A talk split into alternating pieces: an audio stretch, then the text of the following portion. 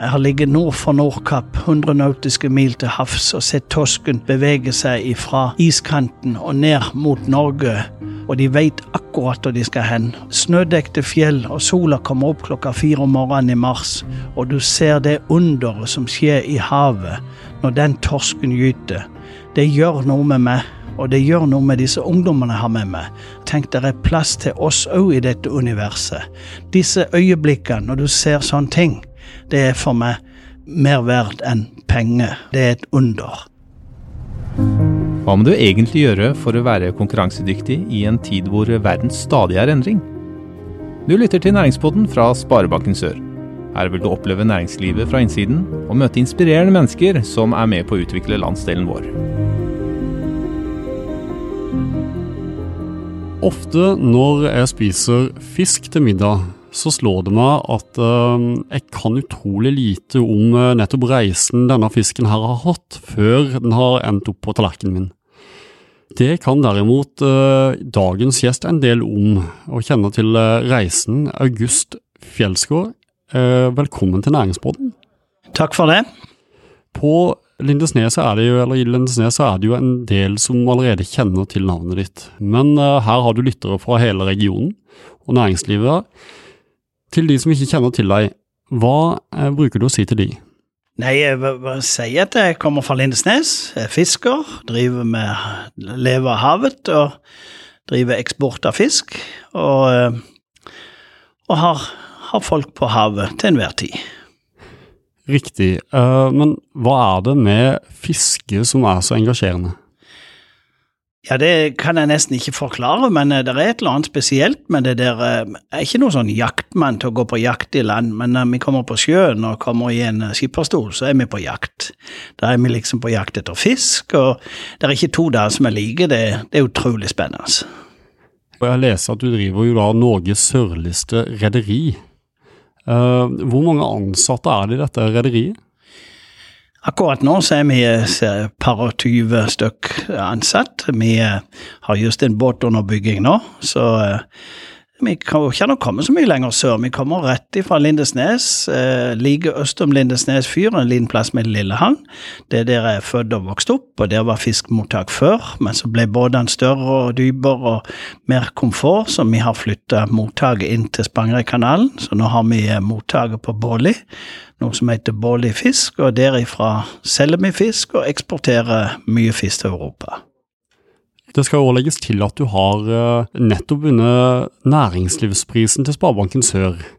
Uh, og av juryens begrunnelse så står det bl.a. Uh, at det er litt for ditt arbeid med ungdom. Hva er det du finner med dette arbeidet så givende? Ja, vi, vi fikk jo prisen nå under Arendalsuka. Det var jo høyst, høyst overraskende, syns jeg da. Uh, vi er jo en forholdsvis liten bedrift i denne sammenheng, men jeg så juryen snakke mye om det med at vi driver et sosialt arbeid i forhold til ungdom, og det har alltid vært veldig, veldig Det ligger veldig på mitt hjerte, det hele veien. Jeg var sjøl en ungdom som syntes skolegang var litt eh, trått og kjedelig. Jeg gikk bare en vanlig niårig skole, og syntes det var kjempelenge, det. Eh, så eh, det er en del som på en måte er mer praktisk anlagt enn det skolen gir de.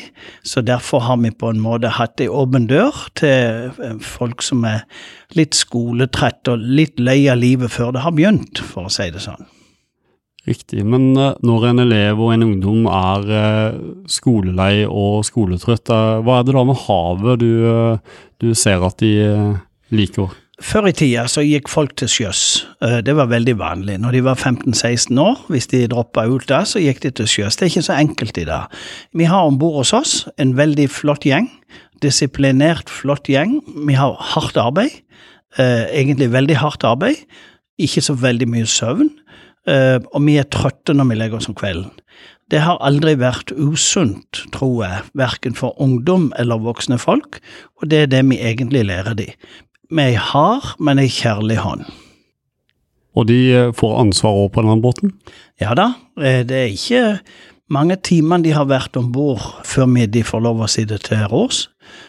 De får lov å ha ansvar når andre går og legger seg, vi har alltid litt sånn backup at vi passer på at ikke de på en måte gjør noe dumt, for å si det sånn, men når de får det ansvar, så tar de det med begge nevene. Og det bygger de utrolig opp, syns jeg. Hvordan går det med de ungdommene her etter de har bl.a. jobba med det? Ja, det, det, har seg sånn at Vi har jobba med forskjellige typer. Det er ikke alle som har Vi har også jobba en del med folk som har vært litt ute på å sykle, for å si det sånn, tidligere i livet. Det syns vi òg er gøy, men det, det, kommer litt an på. Vi har en veldig god tilbakemelding på de som har vært om bord hos oss. Vi syns det er litt artig, det. Vi, vi, vi, kan ikke noe annet enn andre, men vi, vi kan gjøre det lille vi kan. I 2012 så kjøpte du den båten du har i dag. Nå har du da investert ytterligere 50 millioner i ny eh, fiskebåt. Hva har du gjort for å få til å bygge dette selskapet? Det har seg jo sånn at jeg begynte jo egentlig tidlig. Jeg begynte jo sjøl når jeg i, uh, gikk på skolen vokste opp i en liten havn som jeg nevnte heter Lillehavn, og da var det på en måte det som lå i oss, at vi skulle jobbe på sjøen. Eh, pappa var fisker, begge brødrene mine var fiskere, og eh, det var på en måte helt naturlig at vi skulle på sjøen. og og den gangen var det egentlig veldig enkelt. Det var bare å komme deg om bord i en båt og, og jobbe og fiske makrell og forskjellige ting både før og etter skolen. Så det ble ikke alltid tid til så mye lekser. Vi ville helst være på sjøen. og kjøpte min første båt uh, på lista, og den kosta jo 20 005 kroner da. Og det var jo uh, veldig mange penger den gangen, for meg. Men så har jeg jo gått litt uh, steg for steg, og så har det seg sånn at jeg ble tidlig Pappa døde veldig tidlig, jeg var bare ti år når min far døde. Og da var mor mi enke veldig tidlig med fire barn, hun var 41 år. Og så fikk hun jobb til meg på en fiskebåt i Lofoten. Og siden har jeg vært der om vinteren, det er 47 vintre siden nå, og det har vært eh, veldig betydningsfullt for det vi holder på med. For, eh, både for det personlige når det gjelder et lofotfiske, som egentlig er veldig, eh, veldig spesielt når du ser skreien komme svømmende inn til Lofoten for å finne en kjæreste og formere seg. Eh, til at det er godt økonomisk å bygge videre på. Så vi har vært tidlig inne og vært heldige og fått kvote. Det er ikke så lett å forstå, men dette er veldig kvotebelagt. Vi har en uh, Fiskerinæringa har heldigvis en bestand som, er, som har et evighetsperspektiv, hvis vi behandler det fint og forsiktig. Og det er på en måte det beste salgsobjektet vi har òg, at vi må ha evighetsperspektiv på det vi holder på med akkurat den siste båten nå, det er på en måte en fornyelse av Det skjer ting så fort. Eh, når den neste båten kommer, så er den andre ni år. Og da, eh, da er det en del ting som på en måte kan være greit å fornye seg på. Hvor mange meter garn er det du slipper ut eh, i løpet av et år? Det kan jeg ikke svare på i løpet av et år. Men i løpet av et døgn, et vanlig sånn 24 times fangstoperasjon, Altså meter Vi bruker ca. 1000 garn på en vanlig skift, 24 timers skift. Eh, så det går unna, for å si det sånn, og det må være effektivt. Eh, I fiskeriet som i alle andre næringer, så må vi være effektive. Du har jo òg starta en del andre ting som en konsekvens rundt det rederiet du nå driver. Kan du fortelle meg litt om de foretakene? Ja, Det har seg jo sånn at det, det ene drar mange ganger det andre med seg. Eh, sånn at vi syns jo det Før gikk vi til Danmark og solgte fisk. Eh, det bestemte vi oss for på et tidspunkt, at vi hadde lyst til å prøve å gjøre hjemmefra. Så når kanalen åpna på Spanga i 2007, så hadde vi mottaket klart. Og det har på en måte vært en ganske fin eh, opplevelse sammen med turistnæringa, egentlig. Du kan si vi utfyller hverandre veldig godt. Så nå selger vi fisken fra Norge. Den går over hele Europa. Sånn som akkurat i dag har vi solgt en båt på 12 000-13 000 kilo som er på vei til salg i morgen tidlig på auksjon og så blir den distribuert nedover i Europa. Så er det jo sånn at når du da starter en sånn geskjeft, så er det noen som vil selge garn til det, det er noen som vil selge diesel til det, det er noen som gjerne vil være et verksted på grunn av båten kommer inn, ikke sant, så liksom sånn en, en liten ting kan plutselig bli litt størrelse på. Litt tilbake til de ungdommene vi snakka om i stad. Du har jo på mange måter vært en mentor for veldig mange av de her. Men har du sjøl eh, følt at du har hatt noen mentorer opp igjennom? Ja, Jeg har jo det, i og med at pappa døde veldig tidlig, så jeg var bare ti år da, så mine mentorer var mine brødre. Min eldste bror Arnfinn var jo 20 år når jeg var 10, han var eh, ti år eldre enn meg, eh, så han var på en måte den som jeg selv om vi drev forskjellige fiskerier, jeg begynte veldig tidlig å fiske med garn i Nordsjøen og oppe i nord. De drev med reketrål lokalt, men eh, begge brødrene mine de var på en måte støttespillerne mine og mentorene mine på det, på det planet at nå jeg utvikla meg, for å si det sånn. Kan du fortelle meg litt mer om prosessen før en fisk havner i butikken? Ja, det er en veldig viktig prosess, egentlig. Så fort uh, fisken kommer opp av vannet, eller hvis jeg skal begynne litt før, da, vi setter garnene i sånn som i vårt tilfelle om natta. Begynner å trekke de sånn på formiddagen, ikke så veldig tidlig om morgenen, for når sola kommer opp, så beveger fisken seg og går i garnene. Og da, når du da begynner å trekke Det går nokså nok nøyaktig tolv timer på å trekke sånn et, et tusen garn. Cirka nøyaktig tolv timer. Hvis du begynner klokka ti om formiddagen, så er du ferdig ti om kvelden. Og da, når fisken kommer opp, så skal du bløgge den for å ha blodet den, og så skal den ligge i kaldt vann og blø. Og da skal den så fort som mulig på is på kjøle og på is. Når min pappa fiska, så var det på en måte ikke så veldig nøye, for da gikk det mye til klippfisk. Da var det på en måte salting som på en måte var. Men nå er det ferskfisk som skal nå lengst mulig ned i Europa. Så den som på en måte ligger i fiskedisken i dag, den er som regel to, tre, fire dager. Men han har blitt godt behandla, han ligger på is, og han er veldig fersk, for å si det sånn. Fersk fisk hjemme hos oss regner vi fra én til fire dager. I Europa regner de fra åtte til tolv. Det er liksom den ferskeste de mange ganger får. Selges noe av fisken eh, til Norge òg, eller går alt til Europa? Nei, det går en del i Norge, spesielt nå på høsten. Da går det ganske mye i Norge. Restaurantene kan du jo merke sjøl når du er på restaurant i dag. Før var det svinekoteletter og, og, nakkekoteletter du skulle ha. Nå er det kanskje breiflabb og steinbit og torsk, ikke sant? Og prisen på dette har jo det er, jo, det er, jo, dyrt å kjøpe fisk i dag. Eh, det er jo egentlig sånn det er blitt. Eh, men det er jo blitt litt inn å spise fisk, og det er jo sunt å spise fisk. Vi merker en veldig pågang fra de nye restaurantene om at de vil alltid ha fisk på menyen. Så, eh, så det syns vi jo er stas. Men du nevner jo òg nedover i Europa, det er stor eksportnæring. Hvor i Europa er det mest av fisken går? Veldig mye av den fisken vi får, eh, havner på eh, restaurantbordene eh, i Belgia, rundt Brussel-området, vet vi. Men Spania er stort, Italia er stort. Vi selger det på en auksjon, vi, i, Danmark, så vi vet ikke alltid. Vi går ikke helt til sluttbrukeren. Vi, vi har valgt å gå der markedsplassen er. Så vi setter disse lastene med fisk på en markedsplass, og så er det kjøpere som by, som pakker den videre og sender den videre til sin endestasjon, på en måte. Sånn er det fungerer i vår, vår verden. Riktig. Fortell meg litt om din beste fiskeopplevelse.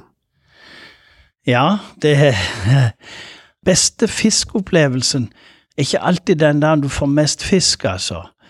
Det er liksom når du ser dette underet, og det er jeg så utrolig opptatt av å fortelle om, dette underet i havet. Jeg har ligget nord for Nordkapp, 100 nautiske mil til havs, og sett torsken bevege seg ifra iskanten og ned mot Norge. Da har han ei lita rogn i seg i oktober. Vi har ligget og venta på han der, og så kommer dette stimet med torsk langs land, og de veit akkurat hvor de skal hen. Og på slutten av perioden så svømmer de med 30 nautiske mil i døgnet for å nå fram. Og når de kommer rundt Værøy og Røst og Skumvær og inn i Lofoten, så er de kommet fram. Når de da er kommet fram der, og det er snødekte fjell, og sola kommer opp klokka fire om morgenen i mars, og du ser det underet som skjer i havet når den torsken gyter, det gjør noe med meg, og det gjør noe med disse ungdommene jeg har med meg. Jeg forteller den historien, tenk det er plass til oss òg i dette universet når dette skjer. Så er det en liten baby som blir født og driver opp i vannet, med strømmen nordover, og etter ett år så er han 10 cm, så vokser han 10 cm hvert år. Hvis han er 40 cm, så er han fire år sånn pluss minus, ikke sant? Disse øyeblikkene, når du ser sånne ting, det er for meg mer verdt enn penger, for å si det sånn. Det er et under. Utrolig gøy, og det har jeg følt sjøl har vært veldig gøy for meg å formidle til en del andre som har vært om bord, og ellers eh, folk rundt meg. Siste båten vi bygde i 2011, så sa jeg til han som tegnet den, vi skal ha plass til to ekstra personer om bord. Eh, vi er aldri mer eller åtte ganger på båten, og da har vi en lugar med to køyer til, så du kan ta med deg et par kamerater og venner. Og det er kjempepopulært. Å være om bord to dager på et lofotfiske i mars måned, det er en opplevelse. Det vil jeg absolutt uh, tro at det er. Det er jo ingen tvil om at du er engasjert i akkurat dette her, og at det er noe mer enn uh, pengene man får ut av det, som driver det. Og det er jo også litt likt med Det virker som at i lokalbefolkningen du har hjerte for mer enn bare havet. Ja, jeg har vært veldig aktiv i organisasjonen vår i veldig mange år. Eh, jeg har vært i 15-20 år i fiskeriforhandling med EU eh, som norsk fisker. Jeg har vært eh, masse år i fiskerlagssystemet, for eh, jeg syns det er litt interessant. Fiskerne er en litt sånn merkelig rase, forstår meg rett, for det at de er selvstendig næringsdrivende, alle og enhver. Så hvis du hadde begynt på jobb hos meg, så hadde du per definisjon vært selvstendig næringsdrivende. Selv om vi har et forhold lønnsmessig, du skal ha x antall prosent av fangsten som lønn. Det kalles en lott. Eh, du har ikke timesbetaling, du har ikke månedslønn, men du har prosent av verdien til enhver tid. Det er lottbasert avlønning som vi kjører for, ikke sant? Men du er egentlig selvstendig næringsdrivende, og du kjøper deg et par oljebukser, et par hansker, så kommer du om bord. Men det gjør på en måte at det er så utrolig mange meninger. Derfor så har vi en organisasjon som på en måte prøver å jobbe for disse næringsutøverne. Om du er båteier eller om du er på dekket, så er alle i samme organisasjon. Og da kommer jeg litt tilbake på dette med at uh, det er en fornybar ressurs vi har. Vi har jo ei lekse i fiskerinæringa å lære. Vi holdt jo på å fiske ned silda på 60-tallet, ikke sant? Da var det en aha-opplevelse for fiskerinæringa å se at går det an å fiske havet tomt? Ja, det gjør det. Det har vi jo sett mange ganger nå. Det går an å fiske havet tomt. Derfor har vi strenge reguleringer, strenge kvoteregime som på en måte må til for at det skal være ei framtidsretta næring. Og etterpå vi gjorde det, så ble det mer inn å være fisker òg. Når jeg var fisker som ung gutt, så var det liksom ikke så stas å si at du var fisker, på en måte. Nå er folk stolte av å være fisker, på en måte. De unge også. Så det har fått ei heving i status. Heldigvis. Heldigvis. Men fortell meg litt, da. La oss si at uh en av lytterne her ønsker å bli fisker. Hva, hva, hva ser du etter i en god fisker? Altså, Vi trodde før at du måtte være vokst opp med tærne i tanga for å være fisker, men, men det har ingen altså, det, det, har, det, har, ingen betydning hvor du kommer ifra. Har du den rette innstillinga, tåler du sjøen, det er liksom en forutsetning. Det er mange som sliter litt med sjøsyke, i alle fall en periode til å begynne med. Men uh, Det går over hos de alle, men det er noen det er verre enn andre. Men at du på en måte ikke bare er der for pengene, men du er der for at du på en måte syns det er gøy og, og, trivelig. Og nå er det jo sånn at de har jo egentlig ganske mye fritid òg. Sånn som i vårt tilfelle, så er det et 1-1-system. De jobber to uker, to uker fri. Og så har de den lønna de fikk for de to ukene, den får de før de går på sjøen igjen. Og så er det jo et fritt og greit yrke, for å si det sånn. Du vet jo ikke hva neste dag vil være. Du vet jo ingenting. Eh, men eh, du håper på å ha mest mulig verdi med deg når du kommer på land med fangsten. Sånn er det jo bare. Så det er ikke så lett å si at han kan bli god, han kan ikke. Vi har blitt veldig overraska over det. Vi har fått noen om bord som vi har trodd veldig om, som på en måte har falt fort igjennom. og andre, Så det har litt med, har litt med interessen, virker det som òg. Det som er litt gøy med disse ungdommene, som på en måte, det er det at eh, selv om det har vært noe skjer i sjøen tidlig i livet, vi ser ikke etter folk med en, med, med en god ballast på CV-en, for å si det sånn. Det betyr ingenting for oss om de er alle så flinke på skolen. Det vi ser på, egentlig hva bor der i de? Hva kan de gjøre i et miljø her som på en måte gjør dette miljøet enda bedre? ikke sant? Det er veldig viktig for oss. Da kommer vi over egentlig på mennesker igjen nå. Eh, for eh, når du i 2012 eh, kjøpte den båten du har i dag, så samla jo du faktisk talt hele bygda for å lage fest. Fortell meg, og de kommer jo òg, eh, det har vi jo sett på en dokumentar fra NRK. Fortell meg litt om det bygdesamfunnet her. Ja, Jeg vet i grunnen ikke hvorfor, men jeg føler på en måte at vi har strekt hånda ut et Altså, vi er ikke så veldig aktive innenfor Nav og Pøbelprosjektet. De har sine som de vil ha ut. Vi er litt mer når vi kjenner en familie der bestefar, onkel og tante sier han har vondt for å komme i gang i livet, kan du gjøre noe? Og Det liker vi, forstår du. Og det gjør det noe med bygda òg. Vi kan møte de igjen og si at det går bra med han, forstår du. Ikke sant? Ikke fordi vi, vi prøver å hjelpe dem vi kan, men så jeg føler jo kanskje at vi har gjort litt for bygda som bygda setter pris på. Og så tror jeg ikke det er så mye avundsjuke, egentlig. Selv om vi holder på med disse båtene, så er vi jo normale mennesker som på en måte er i, i samfunnet vårt og prøver å bidra både litt med ja, for eksempel idrettshall eller kirke, et eller annet når det skal være noe, så prøver vi å være med og bidra og gi litt tilbake igjen. Vi åpna en idrettshall i fjor, og der skulle jeg liksom takke. Og der forsto de ikke riktig at jeg kunne takke for at jeg fikk lov til å være med og betale. Og da sa jeg det at når guttene mine om bord vet at kona og barna hans har det godt når han er i land, de er i land, så gjør det noe med de som er med oss òg. Altså på en måte, det er godt for et samfunn at det er forskjellige ting å ta seg til, med sånne enkle ting. Så jeg vet ikke hvorfor, men jeg føler på en måte at vi har hatt et veldig godt uh, miljø lokalt. Tror det. Med på å gi noe tilbake der, altså. Ja. La oss si at det er en av lytterne våre som ønsker å eh, bygge opp eh, noe av den samme næringa som du ønsker, eller noe i samme skala. Har du et tips til dem? Ja, det, det, har jeg, og det er folk som holder på med det i dag. Det er der. Det er litt vondt, det er litt farlig å si det, men det er utrolig dyrt å komme inn i det, forstå meg rett, altså. Det er den gangen jeg begynte, så var det på en måte ikke kvote på noen fiskerier. Det var på en måte, og det, og det var jo som ei svøpe for oss, for vi fisker jo ned bestandene. Men nå har vi hatt kvote i en del år, og vi har hatt struktur. Altså vi har fått lov å slå sammen fem fartøy til ett fartøy, og så fisker de kvotene på én kjøl. Det gjør at det er ganske dyrt å komme inn i denne næringa i dag. Så, så kvotepakken til den nye båten vi bygger, er dyrere enn sjøl båten for å si det sånn. Så du kan si det, det, det er ganske kostbart. Men når det er sagt, så, så er det ja, Hvis du har sikra deg x antall promille eller prosent av, av fisken i havet til enhver tid i mange år framover, så har du jo et bra innkomme òg, da, hvis du kan fange det ikke sant, på en fornuftig måte. Så jeg vil si, jeg syns det er gøy å se. Det vi merker nå, er det at de unge som kommer, de vil veldig gjerne jobbe, men de er ikke så veldig opptatt av å eie for å si det sånn. De vil gjerne komme med, med, med snippsekken eh, på en torsdag og gå i land igjen om to torsdager til å ha fri. Forstår du? Det var mye gamle båter. Vi lå mye på knærne og skrudde før, før vi kom der vi er nå. Så det er ikke på en måte alle som er interessert i å være eiere, selv om de vil være på en båt. Men, men, men alt er mulig.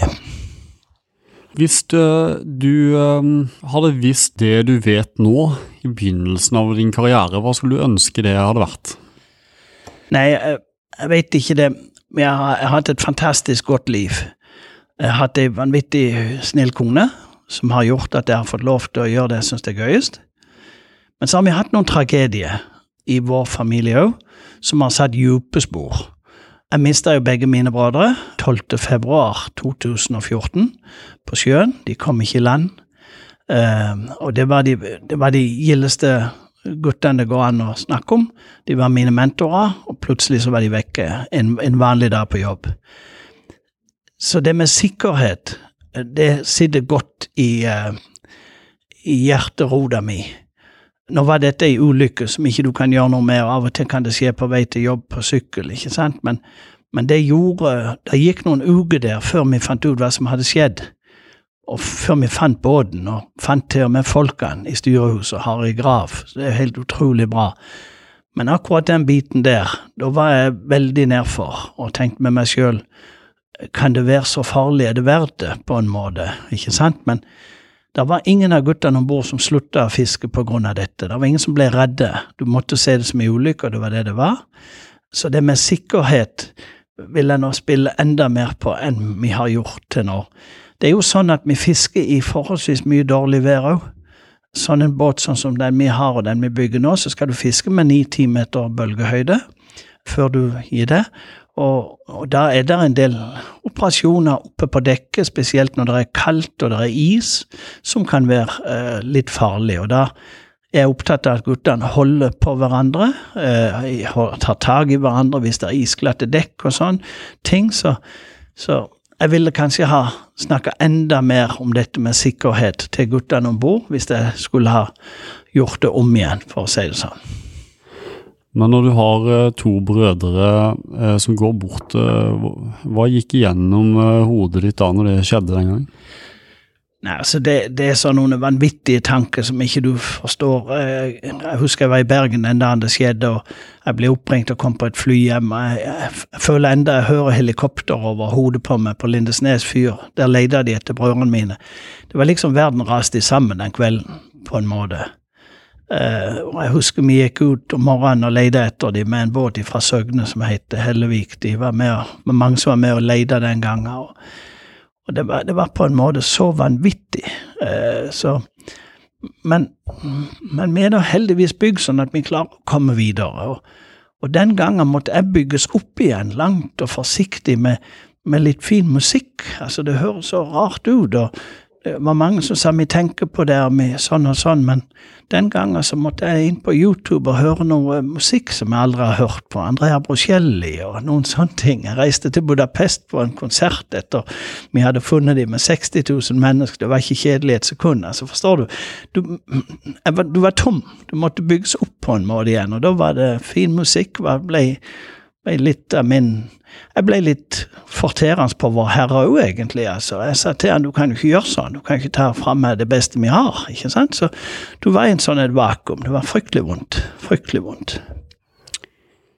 Bare helt mot slutten et litt ja, hva kan man si, litt annet trivelig spørsmål, og det er jo Hva er den største fisken du har fått, August? ja, ja, Vi har fått litt av hvert opp igjennom. altså. Vi fikk ei kveite på 115 kilo en dag, eller en gang. Det var på linefiske vi holdt på med da.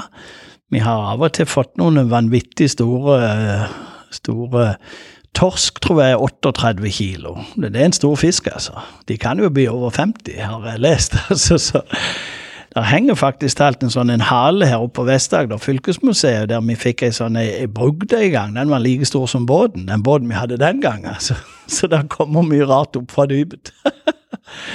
Og så er det jo litt rart å se disse fiskene som var ufisk når pappa fiska, breiflabb og steinbit f.eks. Det er jo den dyreste fisken i dag, når du går til fiskebutikken. Så hvis du skal ha breiflabb og steinbit og disse ufiskene, så ting har endres litt over tid. Og det er jo litt gøy at vi kan ta vare på det som kommer fra dypet. Absolutt. Og du, eh, du, virker jo som en ressurssterk og innholdsrik eh, mann, August, men hva er det som gir deg næring og inspirasjon? Jeg, jeg vet ikke, men jeg, jeg tror det at jeg, jeg, er nok lavt sånn at jeg syns det er utrolig gøy å skape noe. Jeg kunne jo ha kutta ut noe og ikke vært med og bygd noe mer båt eller et eller annet, men jeg føler ikke det er riktig, for det at eh, Og så må jeg si dette med at det er noen som ser det vi holder på med. Ikke for at jeg skal skryte av oss, men når jeg fikk denne prisen her, så tenkte jeg det er jo altfor mye. På en annen side så tenkte jeg det er gøy at noen ser det vi holder på med. Det er gøy at det blir sett av andre, og at jeg kanskje har vært med å løfte fiskerinæringa et par hakk ifra ifra å være Altså, det var noen som så på fiskerne mange år siden, liksom litt sånn subsidiert næring som på en måte levde på statens nåde, ikke sant, og det var jo egentlig sånn i mange år, men vi tok et valg på et tidspunkt at nå må vi bli færre, og så må det bli lønnsomt, og så må det bli effektivt, og det har det blitt, og da har det på en måte fått ei heving av av yrkesstoltheten, egentlig. Og selv om jeg har aldri vært flau for å være fisker, jeg har alltid vært stolt av det. Jeg husker en gang på skolen, da ble eleven i klassen, og så var det hun, eh, læreren som fortalte det etter 30 år på skolen, så hadde vi en samling, så sa hun og så skulle jeg ha tak i han som hadde begynt, men det var ingen som ville si de hadde begynt, så reiste Augusta og sa jeg kan ta skylda, for jeg skal bare bli fisker. det var liksom Det var ikke så farlig med meg, for jeg skulle ikke videre på skole, så det var litt, det var litt sånn. Du, dette her har jo vært eh, en eh, veldig, veldig hyggelig prat, eh, August. Vi begynner egentlig å nærme oss slutten med stormskritt, så jeg vil egentlig bare takke for praten. Takk til deg òg. Det var hyggelig å prate med deg. Du lyttet nettopp til Næringspodden av Sparebanken Sør. For flere episoder, gå inn på sor.no slash podden. Her kan du gi ris eller ros, samt tips til andre næringsdrivende vi bør intervjue. Thank you.